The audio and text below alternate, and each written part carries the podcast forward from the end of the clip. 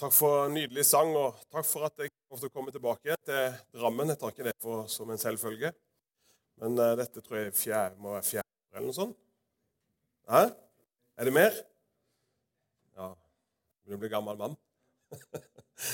Eh, men jeg er alltid yngre enn Vidar, da. Det er godt å vite. Uansett hvor fort tiden går, så er jeg alltid yngre enn Vidar, og det, det er en trøst. så uh, bruker å si til Kjell, for han er jo over 80 nå, så sier jeg du er kommet i alderen til med flattbrev vanndrivende. Så da, da ler vi godt. Kommet dit enda. Um, veldig godt. Kjekt å se den flotte familien framme her. Ja. Vi har hatt noen dager om bønn. Uh, jeg sa jo det er jo friskt tema om bønn og faste på en lørdag med så mye mat i pausen. Uh, men, eh, men også er det et sånt tema som, eh, ja, som alltid er Jeg syns det er utrolig spennende og viktig den tiden vi lever også. Men eh, ja, så det, det, det, Vi har begynt tatt noen steg på det på hva vi har gjort det de siste årene. På dette vi har med Daniels faste og de tingene der, og lettere å gå inn i de tingene. Så bønn er på en måte et, et område hvor du, hvor du, føler at her er det så mye å gå på. Her har vi enorme ressurser tilgjengelig.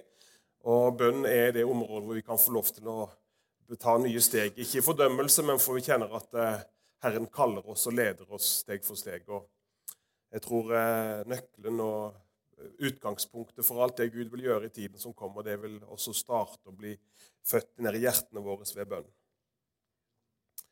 Vi be sammen. Takker deg, Jesus, for denne ettermiddagen. Takk for hver enkelt som er kommet hit. Takk for de nydelige barna som nå har gått opp både opp og ned for å høre om deg, Herre. Takk at du skal velsigne de her. Takk for arbeidet her, både blant barn og ungdom og alle generasjoner, Herre. Takk at vi også nå i den siste tid kan få merke venner, fedrenes hjerte til barnas hjerte. At det skjer en sammensmelting sammensmeltning av generasjoner. For vi trenger hverandre.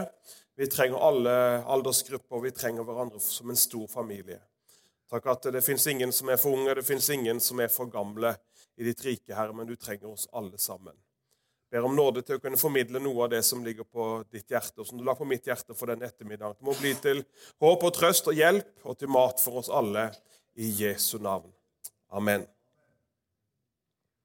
Vi har hatt en eh, bønnekonferanse nå i Haugesund, og eh, det sitter egentlig, egentlig proppfull av inntrykk etter en sånne dager, for vi har mye ulike forkynnere som kommer inn og deler hjertene sine.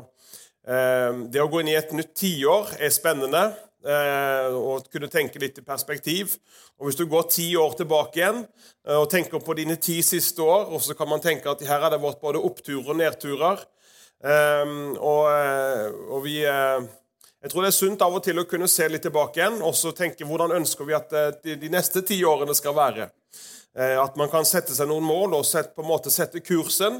Bestemme seg for noen ting. Jeg tror ikke det er av og til de store beslutningene, men det kan være noen små, viktige beslutninger som kan endre kursen eh, både kraftig, og at om noen år så vil du se at den lille justeringa som ble gjort der, den får store konsekvenser når man begynner å vandre videre.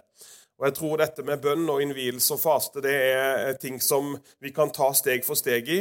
Og Herren han vil alltid lokke oss i dette. Når jeg gikk inn i, i nyåret, og spesielt husker jeg senhøsten og vi, vi, ser at det er mye smerte og mye vondt i verden.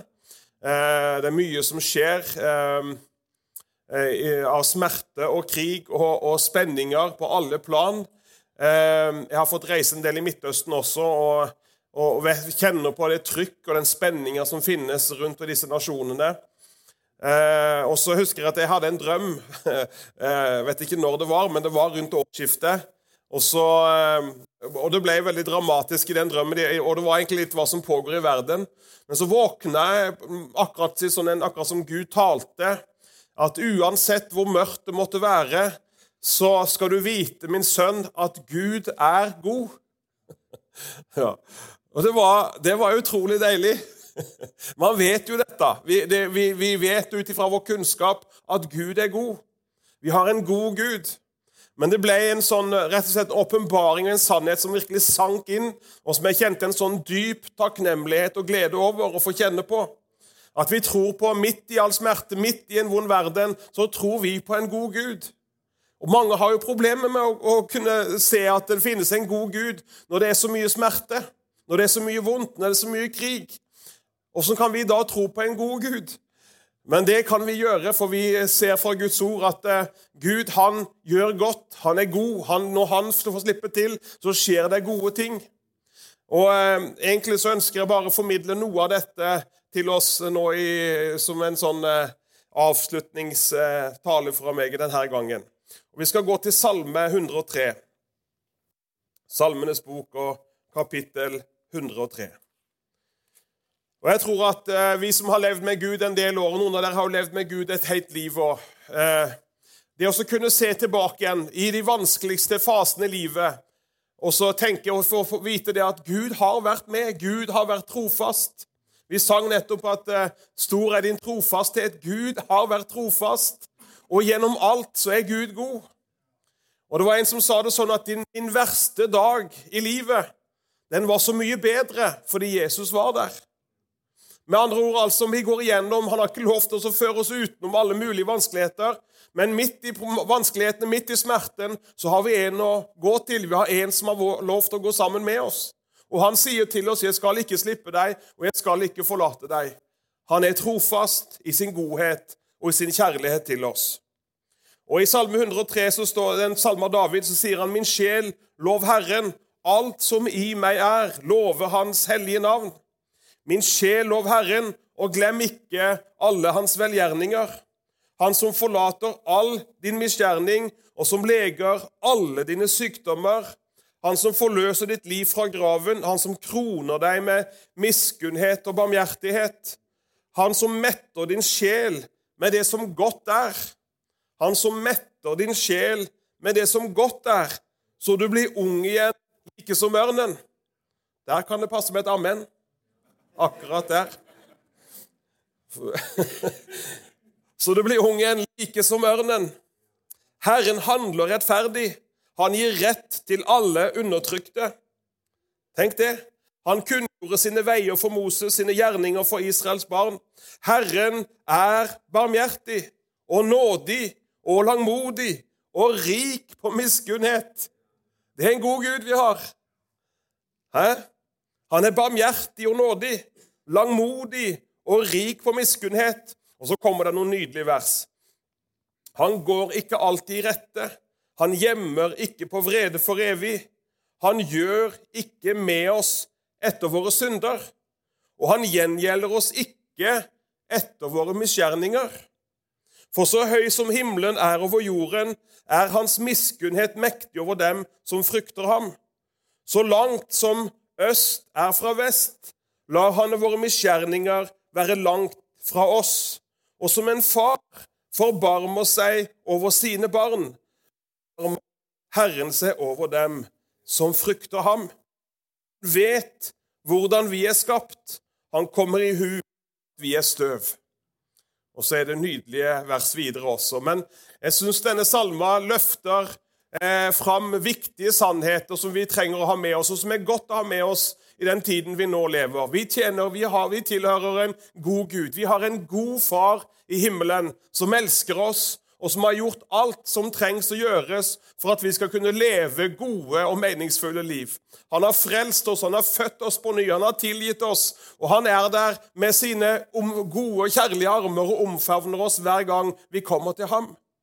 Og Når jeg tenker på dette, eh, dette med, med, Gud som en god Gud, så er det noe mer enn noe annet som motiverer meg til å komme fram for Gud, nemlig å komme fram for Han. Selv om det er vanskelig, selv om jeg har snubla og rota det til, så kommer jeg ikke til Gud med lua i hånda. Jeg kjenner at jeg kommer til en god pappa.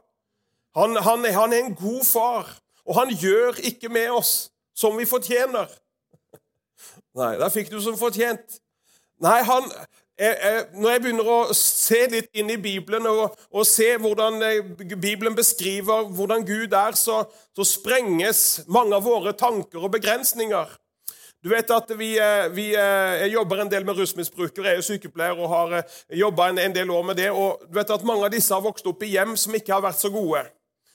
Med foreldre og, og farsbilder og morsfigurer som har vært alt annet enn gode i deres oppvekst. Langt, ikke alle, men mange. Eh, og Det å sitte og høre og fortelle, når de forteller sine historier, er, er, smertefullt. Og det er klart at Når disse blir frelst, så vil også dette farsbildet de hadde fra når de vokste opp, også prege deres gudsbilde. Med andre ord, Når de da snubler eller gjør noe galt, så vil det egentlig forsterke et allerede ganske så stort nederlag i livet. Jeg har mislykta, jeg har rota det til, og nå roter jeg det til igjen. Og så blir det bare en, en, sånn negativ sirkel som ruller på seg. Og det er vanskelig å forholde seg til og forstå at Gud, pappa i himmelen, han er en god Gud. Derfor tar det tid, og det, derfor er Guds ord så viktig. Og jeg tenker at eh, Vi som menighet vi og Guds, Guds, forsamling vi er kalt til å reflektere eh, denne kjærligheten og godheten til menneskene som, vi, som kommer inn og kommer i berøring med oss.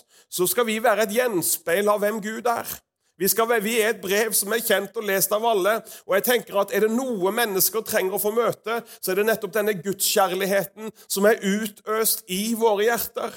Den er annerledes. Den er ikke fordømmende. Den har ikke holdt på å si, pekefinger og strafferunden i seg. Den er der og møter mennesker på en måte med en, med en u... En, en, en, helt sånn u... bare en kjærlighet som er der, og la dem få kjenne at de blir elska. Vi snakker om at man blir elska fordi eh, ikke på grunn av, men på tross av. Og så er det, Når man da studerer på Jesu liv, så er, er det en historie som, eh, en lignelse som berører meg like sterkt hver gang. Og Vi skal gå til Lukas 15, og denne eh, har vi lest mange ganger. Men, og Denne lignelsen her, den har jo fått eh, en tittel i mange bibler, nemlig om den bortkomne sønn. Eller den fortapte sønn. Jeg ønsker å gi en ny tittel til den historien i dag. Og det og, Nå skal du vite at De titlene som er i Bibelen, det er ikke fra, det, det er noe som er kommet i senere tid. Eh, så, jeg roter ikke med selve Skriften nå. Men, men, men disse, disse titlene kan, disse, de, de, er til god hjelp, men de kan også begrense vår forståelse av den. Fordi at denne historien, og Vi skal ta tid å lese den, for eh, her ligger det noe som jeg, tror Gud ønsker bare å velsigne oss med eh, i kveld. Og Her står det fra kapittel 15, fra vers 11. Han sa, en mann hadde to sønner.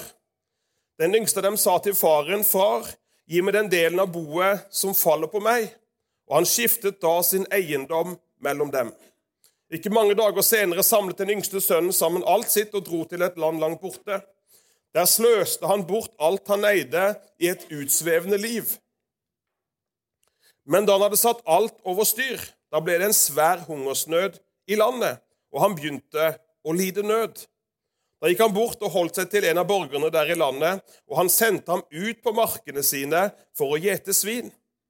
Han ønsket å fylle sin buk med de skolmer som svinene og grisene åt. Ingen gav ham noe.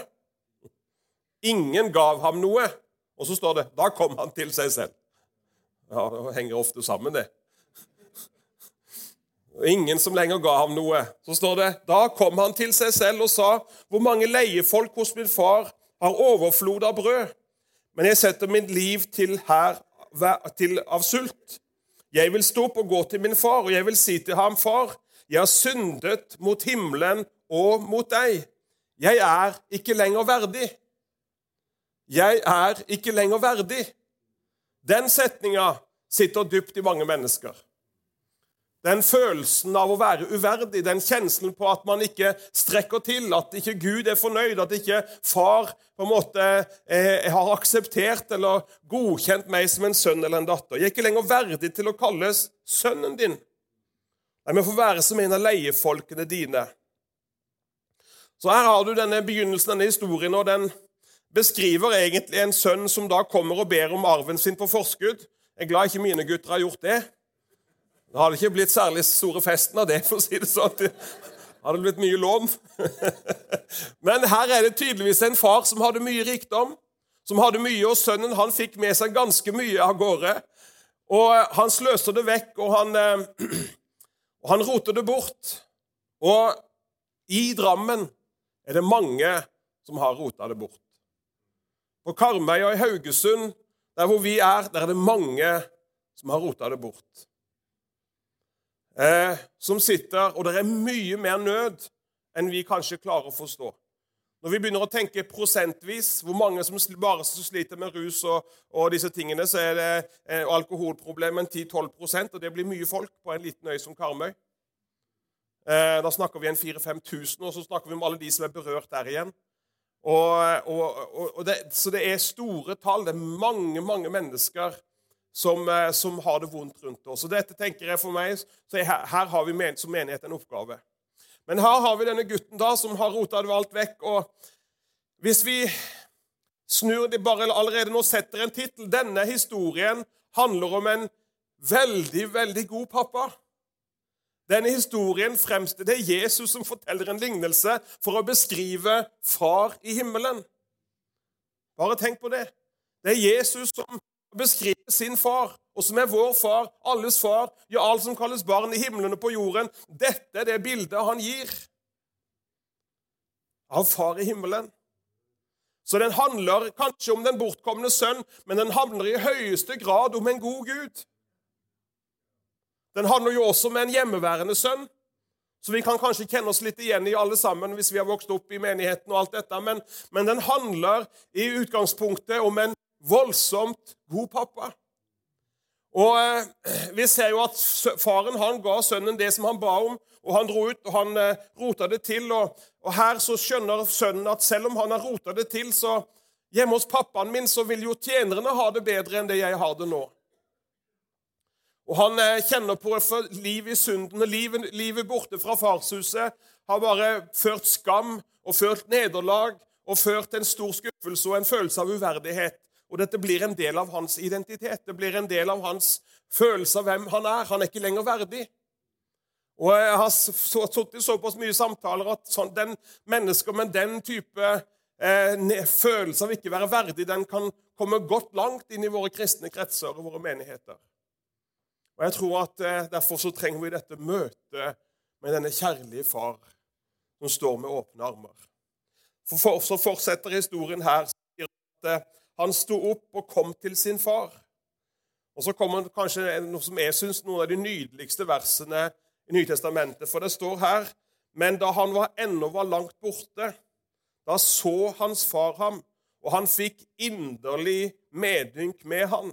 Han løp han i møte falt han om halsen og kysset han igjen og igjen. Og Jeg har lest en liten kommentar til akkurat det som skjer her. Og Jeg har ikke gått i dybden på den og, og sjekka alle mulige ting, men det kan godt være sånn når man tenker på den kulturen som de vokste opp i, så sier de det sånn at eh, om en sønn har brakt vanære på sin familie, sånn som denne sønnen egentlig gjorde Han ba om arven og dro av gårde og sløste det vekk og kommer tilbake igjen og Han lukta sikkert vondt, han var sikkert skitten og feil og har rota vekk alt. Og Han ville jo bare være en tjener. Men om han hadde møtt bygdefolket først, så hadde de banka han opp. Han hadde fått skikkelig juling. De hadde tatt han med stokker og slått han, og de hadde lært han en lekse fordi han hadde brakt skam over sin familie. Og du vet at eh, Faren visste om dette, så han var på stadig utkikk fordi han hadde lengsel i sitt hjerte. Om vi klarer å bare utvide våre tanker om denne historien og hva dette farshjertet Kan du se det for deg, far i himmelen, far, far som sitter der og ser hvis, hvis gutten min kommer, så skal jeg være først. Da skal ikke menigheten være først, så skal ikke alle disse eh, folkene som vet og, og hvordan vi skal håndtere dette, de må ikke komme først. Jeg må være først. Og så står det mens han var enda langt opp, han løp han i møte. Han løp han i møte. Og han omfavna han og kyssa han igjen og igjen og igjen. Og jeg ser ingen tegn til kjennepreken. Ikke en liten sånn der 'Gutten min, dette her har vi prata om'. Ikke, det, det var, han var ikke i nærheten. Og Vi skal bare lese så du får, så du får akkurat den her. For sønnen han begynte jo da 'Far, jeg synder mot deg. Jeg er ikke lenger verdig til å kalle sønnen din. Men faren han sa til tjenerne sine, skynd dere, ta fram den beste kledningen. Ta fram den beste kledningen og ha den på ham. Gi ham ring på hånden hans og sko på føttene. Hent gjøkalven og slakt den. La oss ete og være glade. Og både ringen og alt dette har sin helt klare betydninger i gjenopprettelsen av sønneforholdet til faren. For denne sønnen var, min var død. Den er blitt levende. Han var tapt og er blitt funnet. Og de begynte å være glade. Og Så kommer det da videre her. Den eldste sønnen hans var ute på marken. Da han gikk hjem og nærmet seg huset, hørte han spill og dans. Han kalte til seg tjenerne og spurte hva dette kunne være. Han sa til ham, 'Din bror er kommet, og din far har slaktet gjøkalven fordi han fikk ham frisk tilbake.' Da ble han sint og ville ikke gå inn, men faren gikk ut og talte vennlig til ham. Jeg syns det var nydelig at faren møter også denne med kjærlighet og med godhet. Hvilken far? Hvilken pappa? Han kunne jo tatt og refsa denne sønnen litt. da. Han var jo så glad for den sønnen som var fortapt. og, og så, så, Her er det jo sjalusi og misunnelse på høyt plan. Han kunne iallfall tatt og refsa han litt. Du burde jo glede deg over den nyfrelste som er kommet hjem. Han var borte og kommet hjem igjen nå. Men du klarer jo ikke å glede deg over det engang. Men faren han møter han og talte vennlig til ham. Hvilken pappa vi har, som ser oss, som kjenner oss, og som møter oss akkurat der hvor vi måtte være i livet, og hva vi måtte være en bærer av.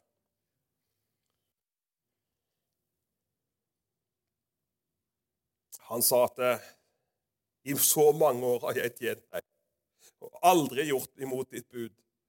Men meg har du aldri gitt et kje, så jeg kunne glede meg med vennene mine.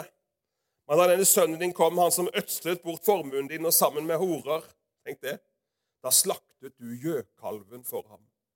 Han sa til ham, barn, men barn, du er jo alltid hos meg. Alt mitt er jo ditt. Men nå burde vi fryde oss og være glade, for denne broren din var død, er blitt levende, han var tapt og er funnet. Halleluja. Hvilken historie, hvilken lignelse som Jesus gir til oss, alle sammen, som er å lese for at vi skal kunne få et større bilde av hvem Gud er. At vi skal kunne få et rett bilde av hvordan Gud er. Midt i en vond verden, midt i smerte, midt i at vi roter det til, surrer det til, og vi får mennesker som kommer inn i blant oss. Og vi har vel ikke vært de beste til å møte dem på denne måten. Nå snakker jeg ikke på vegne av dere, men jeg tror jeg snakker litt på vegne av oss alle sammen. Se, Tenk litt tilbake 10 og 20 og 30 år. Det ikke vært, og vi har vært velmenende, fine ting vi har sagt og gjort, men vi har kanskje med vår oppførsel skyvd folk, mennesker bort ifra oss. Jeg har lært meg en ting med å jobbe med rusmisbrukere, at jeg trenger egentlig ikke fortelle dem hva de har gjort galt. De vet det så veldig godt sjøl. De, de, jeg trenger ikke egentlig å gå noen strafferunder med dem. Og Det er så deilig å merke at denne, denne pappaen er kjemisk rensa for behovet for, for, for, for en skjennepreken. Han har ikke noe behov for en lang sjelerødsørgelig samtale for å på en måte rippe opp igjen alt som har gått galt. Nei, han tenkte at her trenger de bare en uforbeholden kjærlighet. Her trenger de å bli elska. Her trenger de få kjenne at du er min sønn, uansett om du har rota det til, om du har gått bort og sløst og du har eh, ødelagt mye. Så det eneste du trenger nå, det er å få komme tilbake igjen og være min sønn. Smerten i mitt hjerte var når du var borte, men nå er du kommet tilbake igjen. Og så får han møte uforbeholden kjærlighet. Hvilken pappa vi har. Hvilken god Gud vi tjener. Halleluja. Denne Guden skal vi få lov til å, denne far skal vi få lov til å formidle til en døende verden. Mennesker som ikke kjenner Gud, mennesker som ikke kanskje har et, har et bilde av Gud. og Jeg traff en gang for noen år siden jeg var, var både også oppe i Nordpå, Han trodde ikke på Gud. og Så tenkte jeg hvilken Gud er det ikke du tror på, da? Og Så forklarte han hvilken Gud han ikke trodde på. Det var jo helt enighet. Han tror ikke jeg heller på seg. Akkurat den guden som du beskriver nå, han tror ikke jeg heller på. Men jeg tror på en god gud. Jeg tror på en god gud, og jeg vet at når djevelen gjør sitt verste, da kan Gud gjøre sitt beste. Det skjedde på korset for 2000 år siden, når djevelen trodde han vant en seier over Jesus, og fikk han nagla til korset og tenkte at nå er det ferdig. Der vant Jesus en evig seier. Halleluja. Midt i mørket var det en rungende ja, et rungende halleluja. Der vant han, og han oppreiste, ble oppreist ifra de døde. Og vi får nyte godt av dette i dag. Vi har en god pappa. Han ga sin eneste sønn. Han gav ham for oss alle. Han betalte prisen. Han tok straffen for oss alle sammen. Hvorfor det? Jo, for at vi skulle ha fred. For at vi skal kunne få tilgang til den far som elsker, og som elsker, og som elsker igjen. Og det er noe med dette gudsnærværet i, fa, i fa, pappas favn. Så tror jeg sønnen fikk kjenne noe Jeg tror det var et vell av følelser. Jeg tror at vi som menighet, når vi, Gud kaller oss i et nytt tiår, inn i bønn, inn i Guds nærvær, inn i overgivelse, så vil denne kjærligheten få lov til å strømme gjennom oss. Er det noe som mennesker som kommer fra gata her, må få kjenne, se hvor de elsker hverandre? Se hvor de elsker. Det må være noe som gir et uttrykk for denne farskjærligheten. Han gjør ikke med oss etter våre synder. Han gjengjelder oss ikke etter våre misgjerninger. Nei, han er en god pappa som lar våre synder være langt borte fra oss. Han har tilgitt oss og rensa oss Metet. Han har gjort alt som trengs. Denne kjærligheten er så dyrebar. Og det for meg, når jeg kommer inn for Herren i bønn, så vet jeg at jeg kommer fram til en god far en god pappa. Det er en motivasjon. Salme 145 så står det noen flotte vers.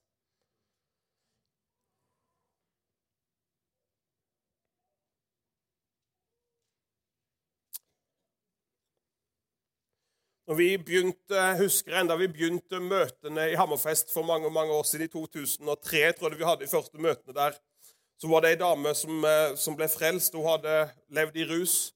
Og så var det to av guttene. Han ene gutten hadde jo da vokst opp i et, et hjem med mye rusmisbruk og mye smerte.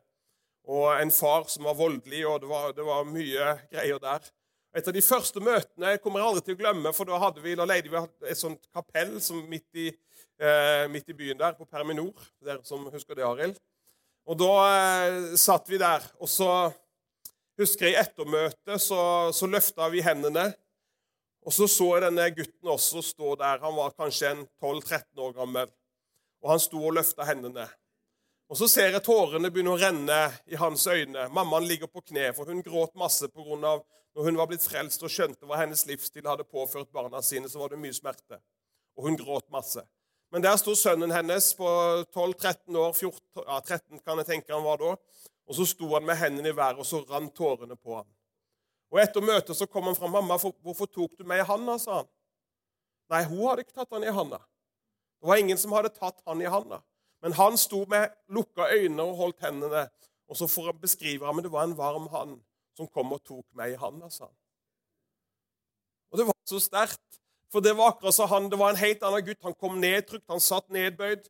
Men der møtet med Jesus Jeg tror det var far sjøl som var der og ga en omfavnende, kjærlig hand som han tok denne gutten og holdt i denne gutten som sto der innenfor Faderen. Vi har ingen annen forklaring og hvordan, han, hvordan det kunne oppleves, men vi så at denne gutten han hadde fått oppleve ekte kjærlighet. Han fikk oppleve, kanskje for første gang i livet sitt, en kjærlighet som bare møtte han og lot smerten og isen og dette som han hadde bygd opp, for bare å komme ut, og han fikk legge det av der. Og han sto med et liksom så forundra. 'Men var det ikke du, mamma?' Nei, det var ikke henne, for hun satt jo ikke ved siden av han da. Jeg tror at Gud skal få møte mennesker i dag.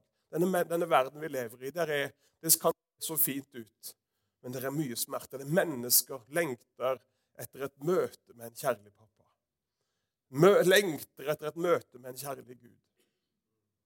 Og du og meg, vi er det punktet vi er de møtepunktene som menneskene vil ha.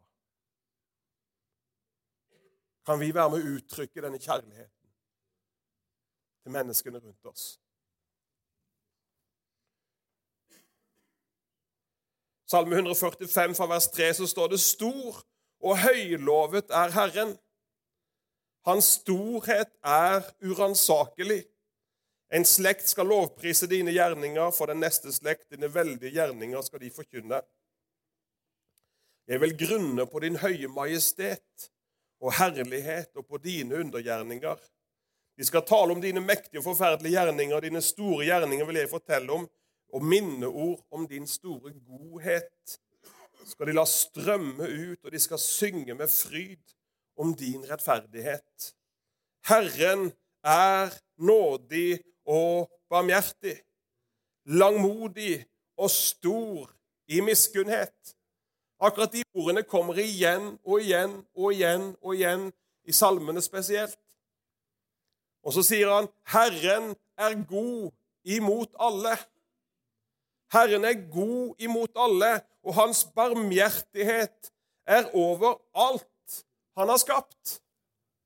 Alle dine gjerninger skal prise deg, Herre, og dine fromme skal love deg. Om ditt rikes herlighet skal de tale, og fortelle om dine veldige gjerninger. For å kunngjøre for menneskenes barn hans veldige kraft og hans rikes herlighet og ære. For ditt rike ikke for alle evigheter, og ditt herredømme varer gjennom alle slekter. Herren støtter alle dem som faller, og reiser opp alle nedbøyde. Og Vi har hatt en bønn nå dette, i starten på dette året. Herre, la ditt rike komme. Dette Guds rike som han har plassert på innsiden av oss. Herre, la ditt rike komme. La din vilje skje, som den skjer i himmelen. La den også få skje her på jorden. Himmelen er full av Herrens herlighet. Himmelen er full av Herrens godhet.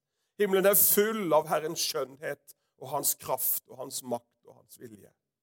Herre, la ditt rike komme. Guds rike er ikke et statisk rike med faste grenser. Guds rike er et dynamisk rike. Guds rike er der hvor du er. Du er en bærer av Guds rike. Vi er en bærer av Guds herlighet. Vi er et gjenspeil av Guds godhet og kjærlighet til mennesker. Halleluja. Hvilket gudsbilde for mennesker når de treffer oss. Når de får en samtale med oss, hva er det som sitter igjen i deres sjel og tanke etter å ha sittet og prata litt med oss? Og Dette er heller ikke ment som noen fordømmelse, men jeg tror at vi skal få be Herren om at han skal få åpenbare sin godhet for oss i enda større grad.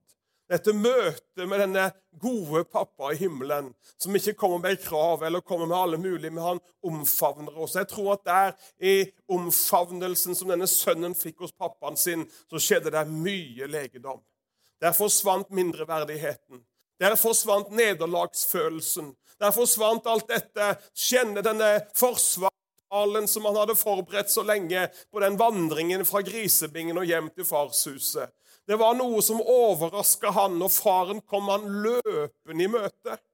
Og han, jeg tror kanskje han var, jeg vet ikke om han var litt nervøs om han skulle få juling, eller hva han skulle få, men han ble omfavna og kyssa igjen og igjen. Hvilket møte! Dette må vi grunne litt på, folkens. Jeg tror at i grunnelse på denne, akkurat denne teksten her, det kan sprenge vårt bilde og forståelse av hvem Far i himmelen er. Jeg tror vi skal få et møte akkurat der når vi begynner å grunne og tenke og be og søke Gud. Pappa, hvor god er du? Hvilken godhet du viste denne sønnen. Hvilken godhet du viste denne hjemmeværende sønnen. Kanskje det, jeg trenger at mitt gudsbilde trenges å, å, bli oppjustert, eller at den trenger å bli møtt med denne åpenbaringen av en kjærlig far i himmelen.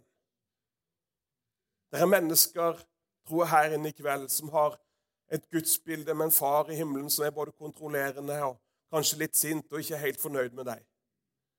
Så skal du vite det at ingen, intet menneske har fortjent noe innenfor Herren. Det vet vi alle sammen.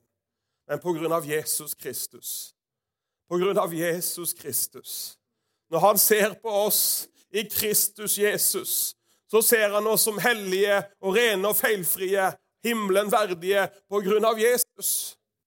Og det er et utrolig sterkt budskap vi har, folkens. Nå i 2020 et budskap som er godt nok, et budskap som er sterkt nok til å reise opp en ring av støvet. Og Vi har hatt en periode på Karmøy et par år. Jeg har kjent en smerte, for vi har egentlig ikke vunnet så mange for Jesus. Og, men i sommer så skjedde det et vendepunkt igjen, og vi fikk lov til å be med folk til frelse. Til og med kom fra ferie, så venta det tre-fire nyfrelste på meg og ville bli døpt. Og En var fra Finnmark og sa 'Birgit, jeg trodde du var aldri kom tilbake igjen. Jeg må jo bli døpt', sa hun.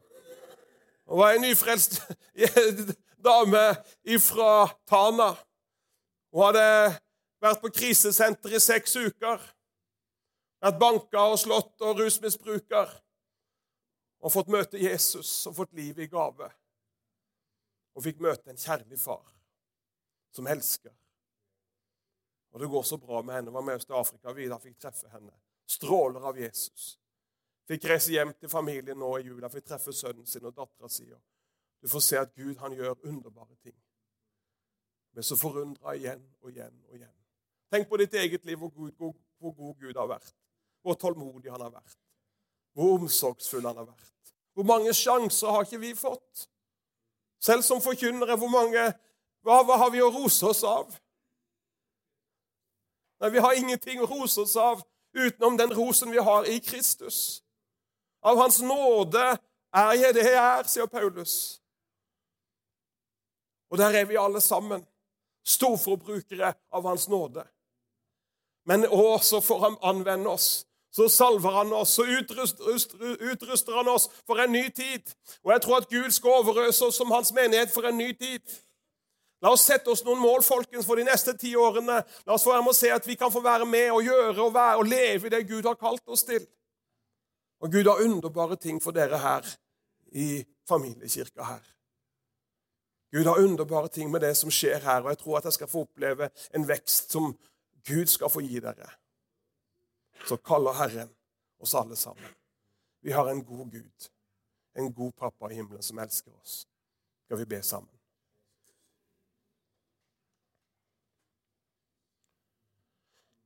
kan vi bøye hodene alle sammen. Jeg kjenner ikke alle sammen av dere her. og Jeg tenker at eh, om du har en følelse av å ikke være god nok, så skal du vite at eh, ingen her inne er gode nok, hvis vi skal ha det perspektivet. Men du vet at akkurat der Midt i den følelsen der, midt i den vissheten om at vi ikke strekker til, midt oppi der så kommer Gud oss i møte, og han løper oss i møte. Han løper oss i møte for at ikke den følelsen skal holde oss i fangenskap. For at ikke den følelsen, den, de tankene, skal forbinde vår identitet og holde oss borte fra rikdommen i Gud. Der kommer han oss i møte denne kvelden og han ønsker bare å omfavne akkurat deg. Dette kan sitte i om du er oppe i godt voksen alder. Jeg har møtt mennesker i, på livets slutt som sitter hele tiden med en følelse av å ikke være god nok og er usikre på om de blir på en måte godkjent i himmelen. Skal du vite at i kveld så vil jeg be at Jesus skal få møte ditt hjerte. At Far i himmelen skal få møte deg akkurat der hvor du sitter i din situasjon. Kanskje du er ny på veien, kanskje du er jeg vet ikke, men akkurat der at du skal få et møte med far i kveld. Som du har kjent at noe av dette har truffet hjertet ditt, så lukker vi øynene, så kan du bare løfte opp hånda di der hvor du sitter. Og så skal vi be en bønn. Og så skal Jesus få møte deg akkurat der hvor du er. Og er du her i kveld som sier ja, jeg trenger dette møtet med far, så bare løfter du opp hånda di der hvor du sitter. Ja, Gud velsigne deg. Gud velsigne dere. Ja. Halleluja. Takk, Jesus. Det var flere hender. Og vi reiser oss inn for Herrens åsyn, og kanskje lovsangeren er her. Og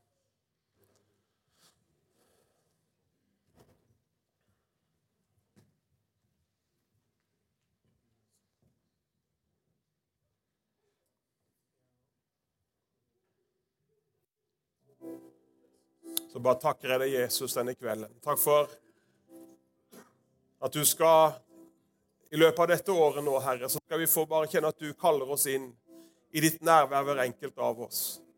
Der hvor vi er kommet, så langt som vi, hver enkelt er kommet, så kaller du oss et steg nærmere inn i ditt nærvær, Herre. Takk at vi skal få nåde til å formidle din kjærlighet og godhet til en døende verden. Til mennesker som lengter, til mennesker som er søkende. Mennesker søker kjærlighet, de søker aksept, de søker fred, de søker mening, Herre. Og jeg bare ber at nettopp derfor har du plassert menigheten her. Og jeg ber at den skal få bare gjenoppdage, og bare at vi alle sammen som ditt skal få gjenoppdage hvorfor vi er her. Hva som er ditt kall over oss. Og jeg bare ber at du skal få også utøse frisk olje og gi oss nåde og kreativitet til å nå ut til enda flere mennesker i hverdagen, Herre. Det fins mennesker som bærer på smerte, det fins mennesker som bærer på så mye, og så kan de få møte Far gjennom oss. Jeg bare ber Herre for å være opprekte Han i kveld, Herre.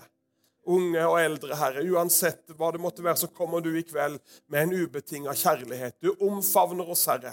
Du omfavner oss med dine kjærlige armer, Herre. Og du kysser oss igjen og igjen og igjen og igjen. Og du bare bekrefter. Du er ikke lenger min tjener, men du er min sønn, og du er min datter. Fullt ut akseptert, fullt ut anerkjent på grunn av Jesus Kristus. Og jeg bare takker den skal få synke ned i våre hjerter som en sannhet som bare ligger der som et sterkt fundament i vår kristne liv og vår kristne vandring. At du, pappa, du er glad i oss, du elsker oss, og du elsker oss akkurat der hvor vi måtte være i livet, og du ønsker å lede oss videre. Det som har gått galt, det som vi har rota vekk, Herre, så forsvinner det, Herre, i din favn. Der er det en gjenopprettelse en gjenopprettelse. Og Jeg ber for mennesker som har stadig kjent på en dårlig samvittighet, eller kjent på, at man, eh, på, på en, eh, en, en, en, uverdighet, Herre. At den skal også slippe tak i kveld, Herre. At vi skal få kjenne at i deg, Jesus, så er vi verdige. I deg så har vi fått vår gjenopprettelse og gjenoppreisning, Herre. For du er en god pappa. Jeg bare priser deg, Jesus. Vi ærer deg, Far i himmelen. Takk at denne kjærligheten som er i hjertet, den har en sånn kraft i seg. Den har en sånn kraft i seg til å gjenopprette det mest ødelagte mennesket som måtte komme inn i og blant oss. Herre. Og Jeg bare ber, Herre, kom Jesus og rør ved oss denne kvelden. Ta for dette nye året. Jeg bare ber at du skal velsigne menigheten. Velsign lederskapet. Velsign alle som arbeider på ulike eh, posisjoner, ulike ansvarsområder i menigheten. Jeg ber at det skal få bare bli en overflod av kjærlighet, en overflod av godhet, Herre, som fyller hjertet vårt. Det står til og med Herre, at det er din godhet som driver oss til omvendelse. Det er din godhet, Herre, som får oss til å søke deg, Herre. Vi vet at det kommer ikke en knyttneve eller noe, en strafferunde, men det møter oss i en kjærlig favn. Jeg bare takker deg, Jesus. Priser ditt navn, Herre. Hvis det er noen som har lyst til å takke Jesus for hans godhet, så bare og Vi har vel noe å takke Gud for, alle sammen. Vi har vel noe å takke Han for. Det var mange som fikk oppleve mirakler, men det var en som kom tilbake og takket. Og jeg tror vi skal, denne takknemligheten her, den skal få lov til å fylle hjertet vårt. En takknemlighet for hans godhet. Takknemlighet for hans kjærlighet imot oss. Kanskje det kan være noen som kan prise Jesus litt til slutt i kveld. Gud velsigne dere.